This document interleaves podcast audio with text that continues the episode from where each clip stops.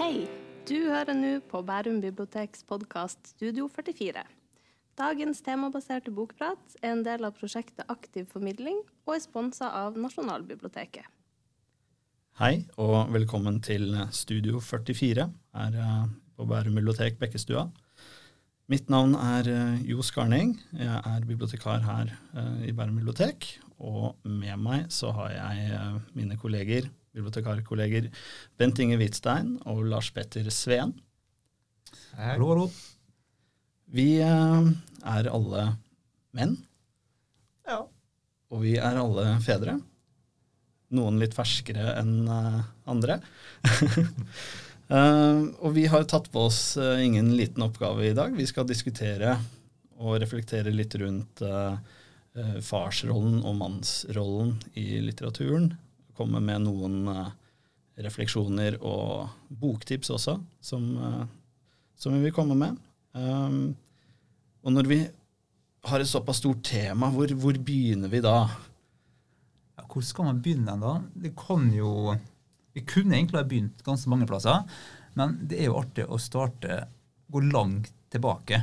Eh, for det å være far og det å være sønn, det er noe vi alltid har vært, helt fra vi utvikla oss fra apene fram til i dag. Men hva betyr det å være en far, og hva betyr det å være en sønn? Akkurat det har jo utvikla seg, og det endrer seg hele tida, spesielt i vår tid. Men ser vi på de aller tidligste skriftene vi har, og de skriftene finner du i biblioteket vårt, side om side med de nyeste bøkene som kommer ut om farsrolla. Hvis du ser på gamle, urgamle skrifter, så er forholdet mellom far og sønn med i de fleste av dem. Vi kan gå til de greske tragediene, som er fulle av sønner som skal hevne fedre fedre som tar livet av sønnene sine, fedre som prøver å lære opp barna sine, sønnene som skal bli konger i framtiden. Og så har vi ikke minst de religiøse tekstene. Det er kanskje historien om eh, Abraham i Gamle testamentet, som, skal, som er en far. Han skal få beskjed fra Gud du skal ofre sønnen din til meg. Eh, og Abraham sier OK, det gjøre. Det er en tekst som er sentral både i kristendommen, jødedommen og islam. Eh, og stiller spørsmålet hvordan beskytter man sin egen sønn? Hva er det å være en god far? Eh, for Abraham han sier at han kan ofre sønnen sin, men Gud griper inn i siste øyeblikk. Og dette er en historie som er blitt brukt opp gjennom historien til å misbruke barn, til å være en god far, til å være en dårlig far, til å stille spørsmål med hva fedre skal gjøre. Og det går kanskje en tråd fra Abrahams vilje til å ofre sønnen sin da, til moderne verk som The Road med Cormac McCarthy, som vi mm. kommer inn på senere i dag. Mm. Eh, og Hvilket ansvar har man overfor sitt barn? Hva vil det si å være en far? Vi kan hoppe opp til Shakespeare. Alle kan jo historien om Hamlet, som da vil, er besatt i et tett skuespill på å hevne faren sin. Mm. Han greier aldri å slå seg til ro med sin egen stefar. Ja, han skal hevne faren sin. Eh, skal vi ta veldig sånn fort framover, så kan vi gå til moderne tid og utvikle den moderne farsrolla, som på, på, mange måter kolliderer med den utviklingen av barndommen som oppstår på 1900-tallet. Den kolliderer med ungdomstida som oppstår på 1960-tallet. Altså, hvis det er noe som er skurk på 1960-tallet, når ungdomstida oppstår, så er det jo faren som mm. står på huet inne og roper til sønnen sin 'Slutt med det, du må gå ned og arbeide på fabrikken så mye', liksom. Eh, så man kan stille seg spørsmålet hva skjedde med farsrolla i det industrielle samfunnet? Ja, og der eh, skal jeg steppe inn med noen eh, eksempler fra fransk litteratur. I 2009 så skrev Didier Eribon boka 'Hjem til Rims', som det visstnok heter på engelsk, og 'Ræs' på fransk. um, Den kom på norsk i 2018 og er egentlig en, både en individuell og kollektiv historie om, uh, og en samfunnsanalyse. Eh, om det å ta steget opp fra foreldrenes klasse. Eh, og det handler også om fedre som på en måte blir igjen, da. eller som henger igjen, både og politisk og samfunnsmessig blir holdt igjen i arbeiderklassen i noen av de andre bøkene her også. Uh, Edward Louis han var sterkt uh, inspirert av Didier Eribon. da han skrev 'Farvel til Eddie Bellegul'. Uh, og Annie Ernaux har jo også skrevet om faren som uh, blant annet Altså, han ville ikke lære seg å lese. Han, det er industriarbeidere og mm, kanskje også arbeidsløse fedre som er vant til at de hele tiden må kjempe. Mm. Uh, og så kommer da barna deres i neste generasjon og uh, får muligheten til å ta steget opp i en ny klasse. Uh, og der blir det også en generasjonskonflikt som er ganske sterk. Og i det her så ligger det også en, ja, en større samfunnsanalyse da, som hos Eribon, at han uh, snakker om at venstresiden kanskje har Altså, det er så mange av oss som har løfta oss så mange hakk opp i klasse at vi glemmer litt arbeiderklassen. Vi glemmer litt mm. disse fedrene som står igjen der, og uh, som også etter hvert mister jobbene sine fordi fabrikkene forsvinner, og de har ikke noe utdanning. og De er jo vant til et røft liv uh, generelt. Livet er tøft. Det er mye bitterhet og frustrasjon. Og særlig når du da ser liksom mange andre løfte seg og på en måte stikke av, og forskjellene øker så blir disse fedrene fra denne generasjonen tidligere stående igjen der. Um, og den generasjonskonflikten kan vi også Der kan vi også trekke inn den nye mykere mannsrollen mm. versus uh, den tidligere litt sånn røffe Ja, absolutt. Uh, tenkte jo da uh, jeg kunne snakke litt om en bok som har betydd mye for meg. Mm. Uh, den har nok betydd enda mer for Nicolai Frobenius, i og med at det er eh, historien hans. Uh, selvbiografisk til ja, dels, i hvert fall. Uh, mesteparten skal være riktig. Det er teori og praksis fra 2004. Som handler om, om Nicolais oppvekst på Rykken. jeg er jo også fra Rykken, så jeg kjenner meg jo veldig godt igjen i, i veldig mye. og boka handler jo i stor grad om forholdet mellom Nikolai og hans far eh, Magnus. Eh, og Magnus er da en helt annen type far enn den eh, klassiske klipp hår og få deg en jobb, strenge faren da, som vi snakket om på 50- sånn og 60-tallet. Han er en idealist, kommunist, veldig fritenker også, da. Og han uh, har en forkjærlighet for uh, russisk kultur og historie, og har jo oppkalt alle barna sine etter russiske tsarer. Uh, og har jo vært med å tegne da Rykkinn som det sosialdemokratiske paradiset han så for seg, da, som etter hvert slår litt sprekker. men han er jo han, han, gir jo såpass mye frihet til barna og til Nikolai at det kan bli litt mye. Uh, han er ikke denne strenge, trygge faren da, som Nikolai beskriver uh, at de andre fedrene er. Uh, 'Min far er ikke trygg som de andre', sier han. Og um, Nikolai vil jo også gjøre et opprør på en måte mot faren sin. men det, det, er ikke et sånt klassisk ungdomsopprør, i hvert fall ikke i starten, som, som man er vant til å lese om. Jeg skal lese litt grann, eh, et lite utdrag fra en situasjon hvor, eh, hvor Nikolai har besøk, eller familien har besøk av noen andre barn, eh, en annen familie, og de andre barna vil gjøre opprør mot foreldrene. Så de lager sånne protestplakater osv. Um, nå skal vi lese litt der. Um, selv om han ikke hadde lyst til å være med på demonstrasjonen til Ingvild, sa han ja, og sto foran foreldrenes ansikter og ropte selv om han la merke til at demonstrasjonen gjorde foreldrene glade, og altså ikke hadde den effekten de ønsket seg, nemlig at foreldrene reiste seg og rev fra dem plakatene og sendte dem på rommet, og var akkurat så urettferdig som de ønsket at de skulle være. Fortsatte han å rope, på selvstendighet og frihet, med svakere og svakere stemme, ettersom han eh, jo ble klar over at han verken ønsket seg mer selvstendighet eller frihet. Kanskje ønsket han seg i stedet litt mindre selvstendighet, litt mindre frihet, men det torde han ikke si. Og til slutt var ropen hans bare en flau hvisking, og han vendte seg vekk, som for å hoste. Men i virkeligheten gjorde han det fordi han ikke lenger orket å se på den tamme begeistringen i foreldrenes ansikter. Det Ganske bra impotent ungdomsopprør. Ja, veldig. Og, det- ja. og den eh, Magnus, altså faren, han forstår seg litt i hjel på, på gutta sine. Når det blir punkopprør, så setter han seg inn i punken, han hører på The Clash og drikker øl når de kommer hjem. ikke sant? Og det er på en måte en litt sånn reversert eh, far-sønn-dynamikk, da. Mm. Hvor sønnen ønsker mer struktur. Mer, hvorfor kan du ikke bare være som de andre fedrene? Da? Ja. Så det syns jeg er en morsom eh, eh, vinkling på det far-sønn-forholdet. Ja. Ja, veldig bra. veldig bra. Men uh, si det litt om uh, Kan det si noe om de kommende, den kommende farsrollen også? Ja.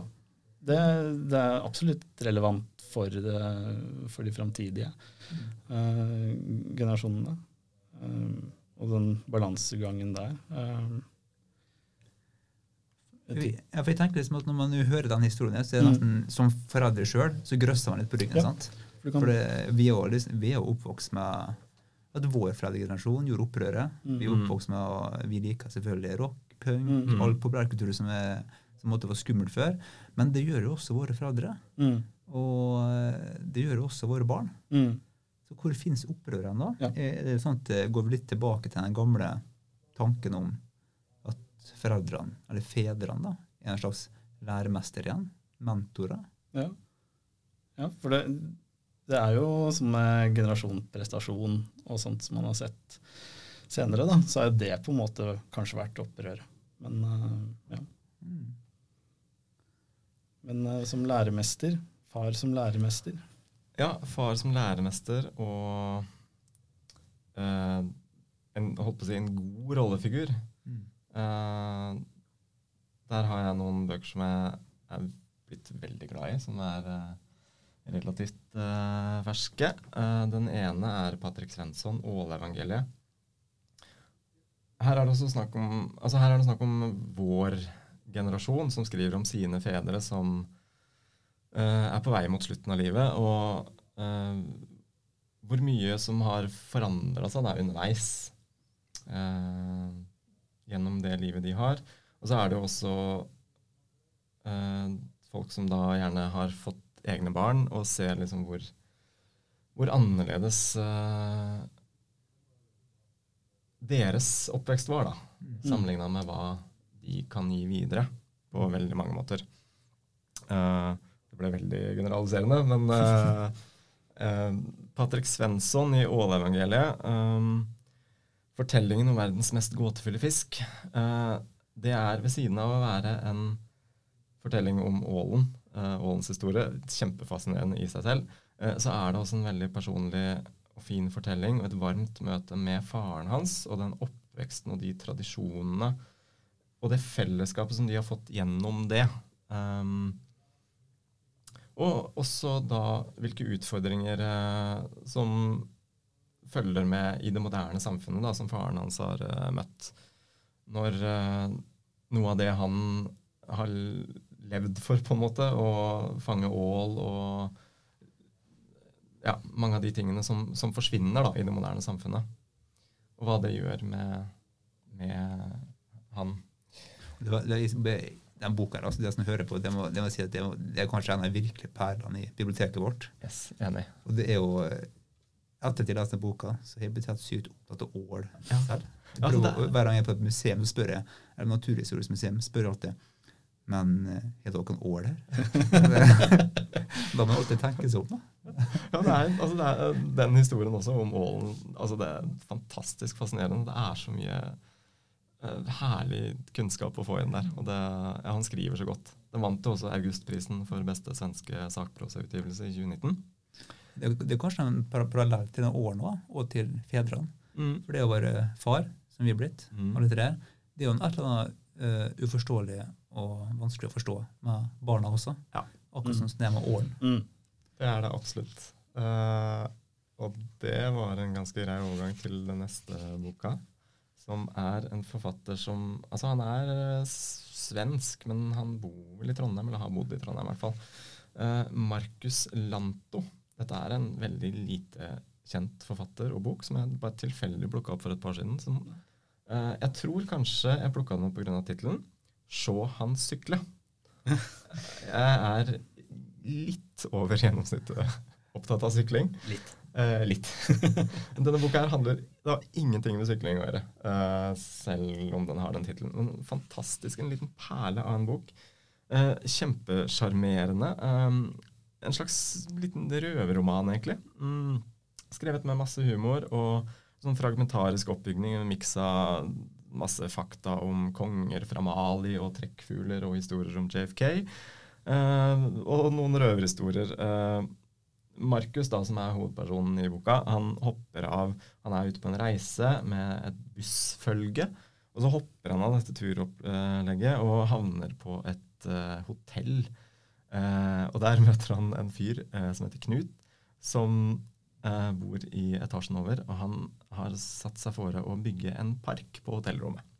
Så han må bære inn masse grus på hotellrommet. Altså, skikkelig røverhistorie der. Men eh, den boka her er også eh, bygget opp rundt eh,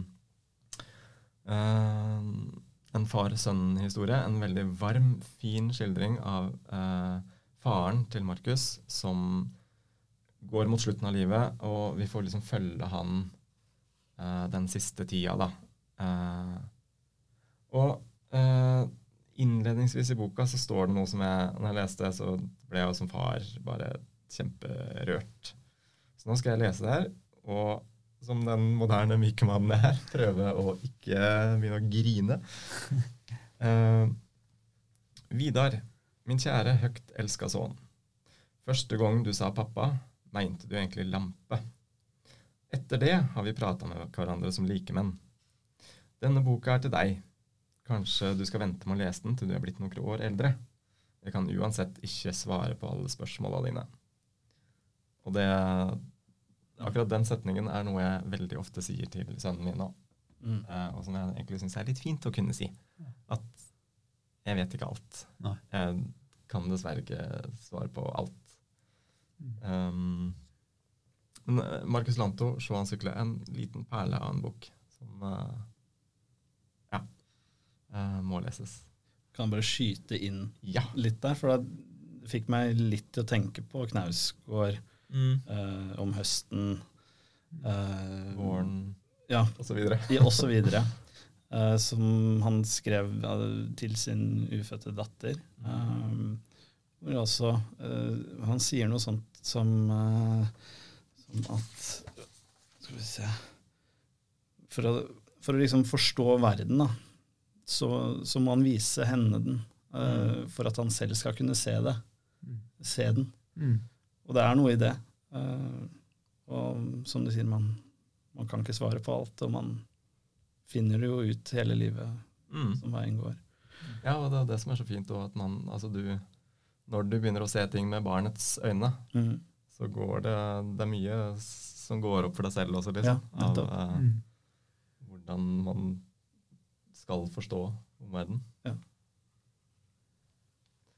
Um, jeg skal snakke om én bok til i denne bolken her, eh, som også var veldig, veldig fin.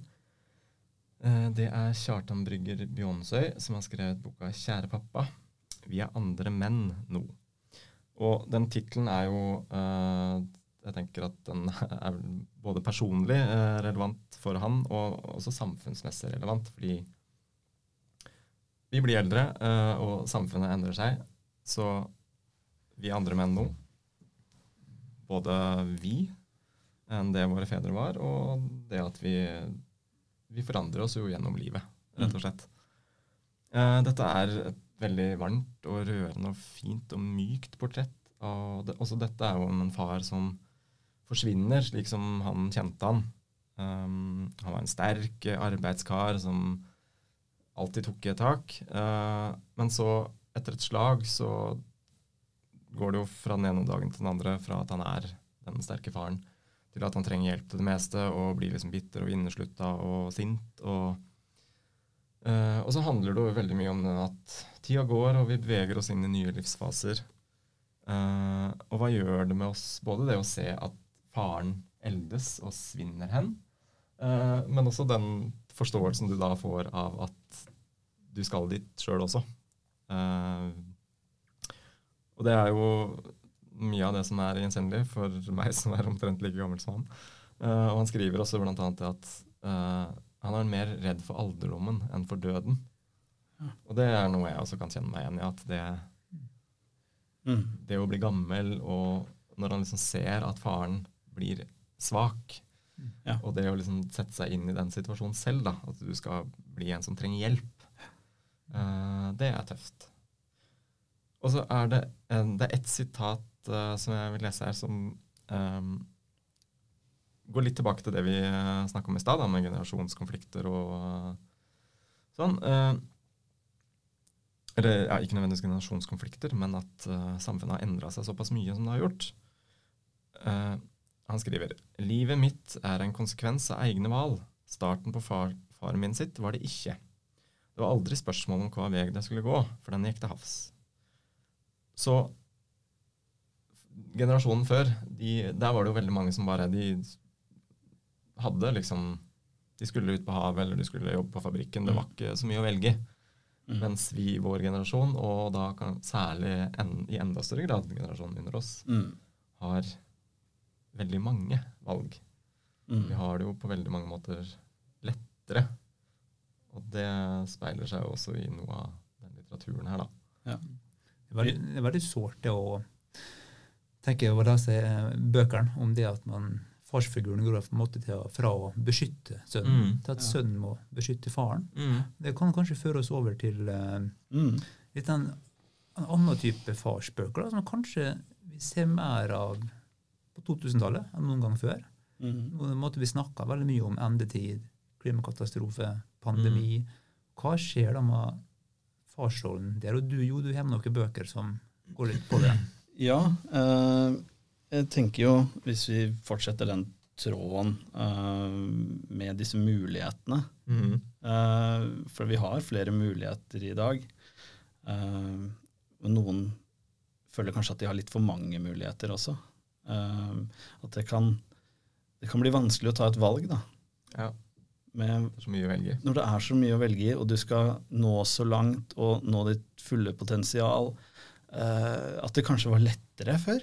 Eh, på en måte med å bli fisker, eller uh, Det var i hvert fall annerledes. Um, jeg har med uh, et par bøker som, som viser litt den moderne mannen som taper i samfunnet.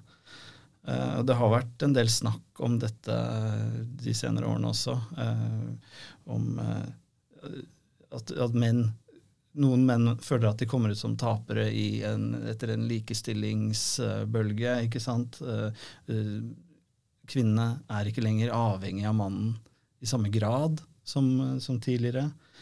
Eh, en av bøkene er jo 'Fatso' av Lars mm. Ramsli. Den handler jo om 30 år gamle Rino, som bor i en leilighet som faren har kjøpt til han. Han er pornoavhengig. Sex er noe uoppnåelig.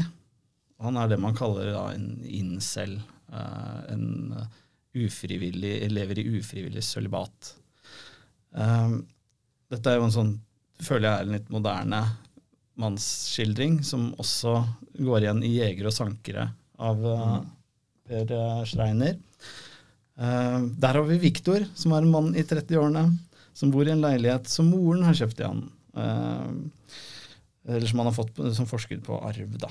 Eh, og han lider av sosial angst og barrikerer seg i leiligheten. Så du har, du har mange likheter her. Du har begge disse unge mennene som, som står utenforstående, føler at de ikke har noen rolle eller noen verdi.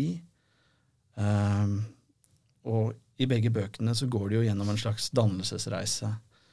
Um, de utfordres, og de kjemper, og de får en slags belønning i å bli nyttiggjort og sett. Og uh, ja, det er uh, Jordan Peterson-materiale, kan man si. Han ville vært stolt av utviklingen der i bøkene. Men um, det er jo Jeg vet ikke om Ser dere noen sånne mannsskildringer tilbake? Tidligere? Kan man Amatøren ja, av Lars Ove Christensen, kanskje? Du har jo veldig du har veldig sånn sterke den type mannsskildringer tilbake på 1890-tallet. hvis du ser måte framveksten av den moderne romanen. da, Mm. med Knut Hamsun sin 'Sult', Dostojevskij 'Et skjærmenneske'. Mm. Eh, der du har den moderne mannen som har en moderne stilling, som ikke blir sett, og som Mm. har sånn liksom sinne som ikke helt forstår, og som går og Mm. raser rundt i byen. sant? Det, Mm. da, det oppstår måte den tidlige moderne mannen som er frustrert, rollene hans er fjerna. Mm. Det, du kan se ganske tidlig av, og det finnes jo, den moderne mannen er jo på en måte den romanen. Det er jo den mannen som er mannen vi møter i romanverden. Det er den mannen Ja. den moderne romanen er bygd på. da. Mm. Eh, så Det er veldig fascinerende. og Det finnes Mm. mange eksempler av i biblioteket. da. Mm. Og Så er det Når du snakker om det med frustrasjon og sinne, og sånn, så er det jo også en del historier om det med fravær Mm. av faren, og hvordan det påvirker Mm. deg. Ja, ikke sant? Har du Mm, mm. noen Ja, eksempler? for, ja, for det finnes mange eksempler på uh, at fedrene også kan være borte uh, fra ja, borte, ikke, ikke være det lenger da, for sønnen, og hva skjer da? Eh, vi kan jo hoppe til Karl Ove Knausgård sin siste bok. Det, går sånn å snakke om fedre uten å snakke om Knausgård. Han er liksom satt standarden på helt ny måte når det kommer til det å være far og det å være forelder. Um, og I den siste boka hans, 'Ulvene fra evighetens skog', som er da bind to i en sånn stor serie han holder på med, fortsettelsen på 'Morgenstjerne'. Og uh, 'Ulvene i evighetens skog' er jo delt i to. Første halvdel så møter vi en ung mann i Kristiansand, Syvert. Og i andre del så er vi i Russland. Men i første delen så går Syvert i over 400 sider rundt omkring i utkanten av Kristiansand og gjør egentlig ingenting og prøver hele tida å finne spor etter faren sin. Hvem var faren hans? For han er nå den eldste i huset. Det Han bor sammen med lillebroren sin og mora si. Og det er han som måtte må få penger inn til matvarer. Han må passe på lillebroren sin, og han må passe på mora si. Og da går han hele tida og se, akkurat som han ser et tegn. Hva ville min far gjort? Hva gjorde faren min? Det er et sånt stort savn her. Og vi blir på en måte kasta tilbake til slags før, førmoderne tid. Hva gjør jeg nå, når jeg må gjøre, være far? Når jeg måtte måte ikke er opplært? For jeg er på en måte ingen det er ingen læremestere lenger, da, sånn som jeg kanskje har sett i mange andre bøker, som farsrollen fortsatt har da i bøker. Det å være en slags læremester. Mm. Mm.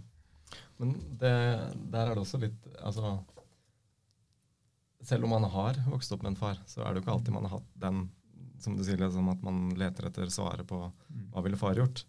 Uh, det er jo også noen bøker der man får skildra hva faren faktisk gjorde, og Mm. det var ikke godt nok. Og så prøver, uh, prøver man da som sønn å liksom skulle gjøre det bedre for sine egne barn, Uh, og så klarer man ikke alltid det. Eskil Skjeldal skriver om det bl.a. i Fars hage og mors hus, hvor han beskriver sin egen oppvekst eh, i en ganske dysfunksjonell familie. og så prøver han å gjøre det så godt som mulig selv senere, men han får det heller ikke til. Uh, og det kan jo også være fordi han har på en måte ikke lært det riktig. Uh, Bjarte Samuelsen har skrevet en bok som heter 'Dagane utan navn', som også går litt på det samme. Der boka er todelt. Den første delen handler om uh, hans barndom, der han beskriver eh, et liv med faren eh, som var altså, svært mangelfullt omsorgsmessig. Og når han da får et barn sjøl, så eh, har han heller ikke lært liksom, hvordan han skal gjøre dette på en god måte. Mm. Det, den arven der kan også være vanskelig. Det, absolutt. Det er jo jeg, Når du sier det, jeg tenker på, jeg tenker på Cat Stevens. Jeg. Father and son. Det er egentlig akkurat det. At du arver på en måte de byggeklossene du har fått. Eh, du, du viderefører de. Du viderefører de du har arvet. Og, og det gjentar seg. Veldig ofte, da. Mm. Det er fullt mulig å komme ut av, men det er ikke alle som klarer det heller i litteraturen. Nei. Det er et throwback til Henrik Ibsen der med gjengangere og alt mulig. Mm. Fedrene syndere, følg, følg barnet generasjoner gjennom. Mm. For å gjøre full sirkel igjen, da, så kan vi jo komme tilbake til Abraham og den selvoppofrende, eller, eller den, den, skal man si? Han har jo ikke akkurat far som, en, som beskytter, da, men, eh, men Vil, altså en far som er villig til å gå ekstremt langt. da. Ja, sant? Hva gjør man når man faktisk hva gjør, man for å, hva gjør man for å beskytte sin egen sønn? Ja. Vil man da gå så langt som å ofre sin egen sønn for å beskytte han? Mm. Ja. En som har skrevet om det, er jo Cormac McCarthy i Veien, eller The Road. Uh, det er jo en eh, grotesk, mørk eh, bok, uh, som skildrer en, et postapokalyptisk uh, Det er vel USA, selv om man ikke helt får det bekreftet. Men hvor en far og en sønn eh, triller eiendelene sine eh, for å overleve. Altså, det, det er jo ikke noe mat igjen. Det er, de har kun hverandre. Eh, det er eh, han faren, eller pappa, han omtales vel kun som pappa. Eh, han er jo på en måte symbolet på den grenseløse selvoppofringen som foreldre og fedre da, viser overfor barna sine. Og for faren så er sønnen det eneste gjenstående beviset på Gud. da. Altså Han er det eneste lyset i den mørke verden. Og han er villig til å gjøre alt eh, for sønnen, ofre sitt eget liv.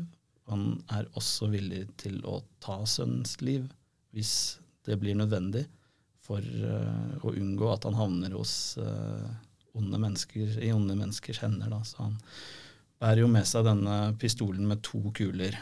Veldig symbolsk, altså tungt.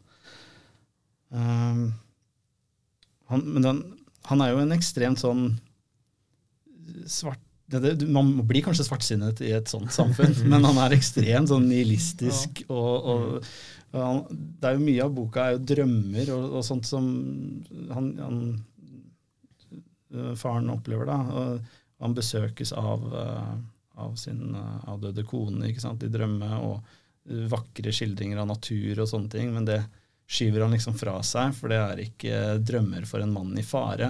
En mann i Mm. fare skal kun drømme om fare. Mm. ikke sant? Uh, Så det ligger et sånt rart håp i den boka. Mm. Gjør ikke det? Husker det, Cormac McCarthy han skrev jo han skriver veldig sjelden bøker. Det går en sånn vandrende historie om at en, en forlegger i USA har ei eh, koffert med et nytt manus i, men ingen har sett den kofferten eller det manuset ennå. Mm. Men de to siste bøkene hans er jo The Road, og så Mm. er det boka før, No Country for Old Men. mm, Og der dør jo alle mennene i den boka. Mm. Det blir de gamle og dør, voldsomme døder, og det er på en måte ikke noe håp. Boka slutter med at hovedpersonen forteller at han husker faren sin i en drøm, som satt på et bål, og så slukka bålet. mm, Og så går det et par år, og så ser de The Road, og da har verden gått under, mm. men da er det faktisk en sønn der. Men det er en sønn der, ja. Mm. Og han er jo lyset, han er jo håpet. Ja. Um, og, men det er litt morsomt det der med, med Cormac McCarthy, for sånn, han, han skriver veldig mye om menn. Han er en Mm. sånn Kan man kalle han en smule mannssjåvinistisk? Uh, muligens. Uh, vet ikke. Blodmeridianen også er jo Det er nesten bare menn. Uh, Han ser i hvert fall inn på den voldelige mannsrollen. Mm. Den er i hvert fall skrevet om og om, om igjen. mm. Absolutt sterk maskulinitet der. Altså. Ja. Mm. Skal vi ta ett steg tilbake fra apokalypsen Mm. til eh, bare den siste boka jeg har lyst til å bare si litt om. Mm. For det handler jo også om eh, en som veldig gjerne vil beskytte sønnen sin. eh, I Birger Emanuelsens eh, 'Jeg skal beskytte deg'. Eh, han ønsker jo at sønnen Andreas skal bli trygg og modig og sterk. eh, og, men Jon, da, pappaen, han bærer på mye sinne. Han har en traumatisk opplevelse fra feltarbeid med Leger uten grenser. Og han ser terroren i Paris og klimakrisen og religiøs fanatisme. Mm. Så vi er et lite hakk før Mm. The Road. Eh, og han vil jo forberede Andreas eh, da på fremtiden som han tror vil komme. Han, han Ønsket hans er å beskytte han, men han gjør det på en måte på feil måte. altså Det blir så voldsomt. Eh, blant annet en telttur i skogen som ikke er å anbefale for eh, fem år gamle gutter. Eh, så det, den beskytterrollen er mm.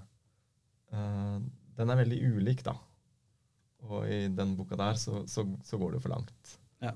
Og så har du også den du snakket om Per Schreiner i stad. Ja. Eh, eh, der har du også han preppefaren Ja. som har liksom uh, gjort klart et rom i kjelleren hvor de kan uh, overleve i en viss tid. Det og der veien, the road, er liksom veldig berettiget eh, og beskyttelse, så så er det jo fullt mulig å gå for langt Ja, I det moderne samfunnet. i det moderne samfunnet. Ja, absolutt.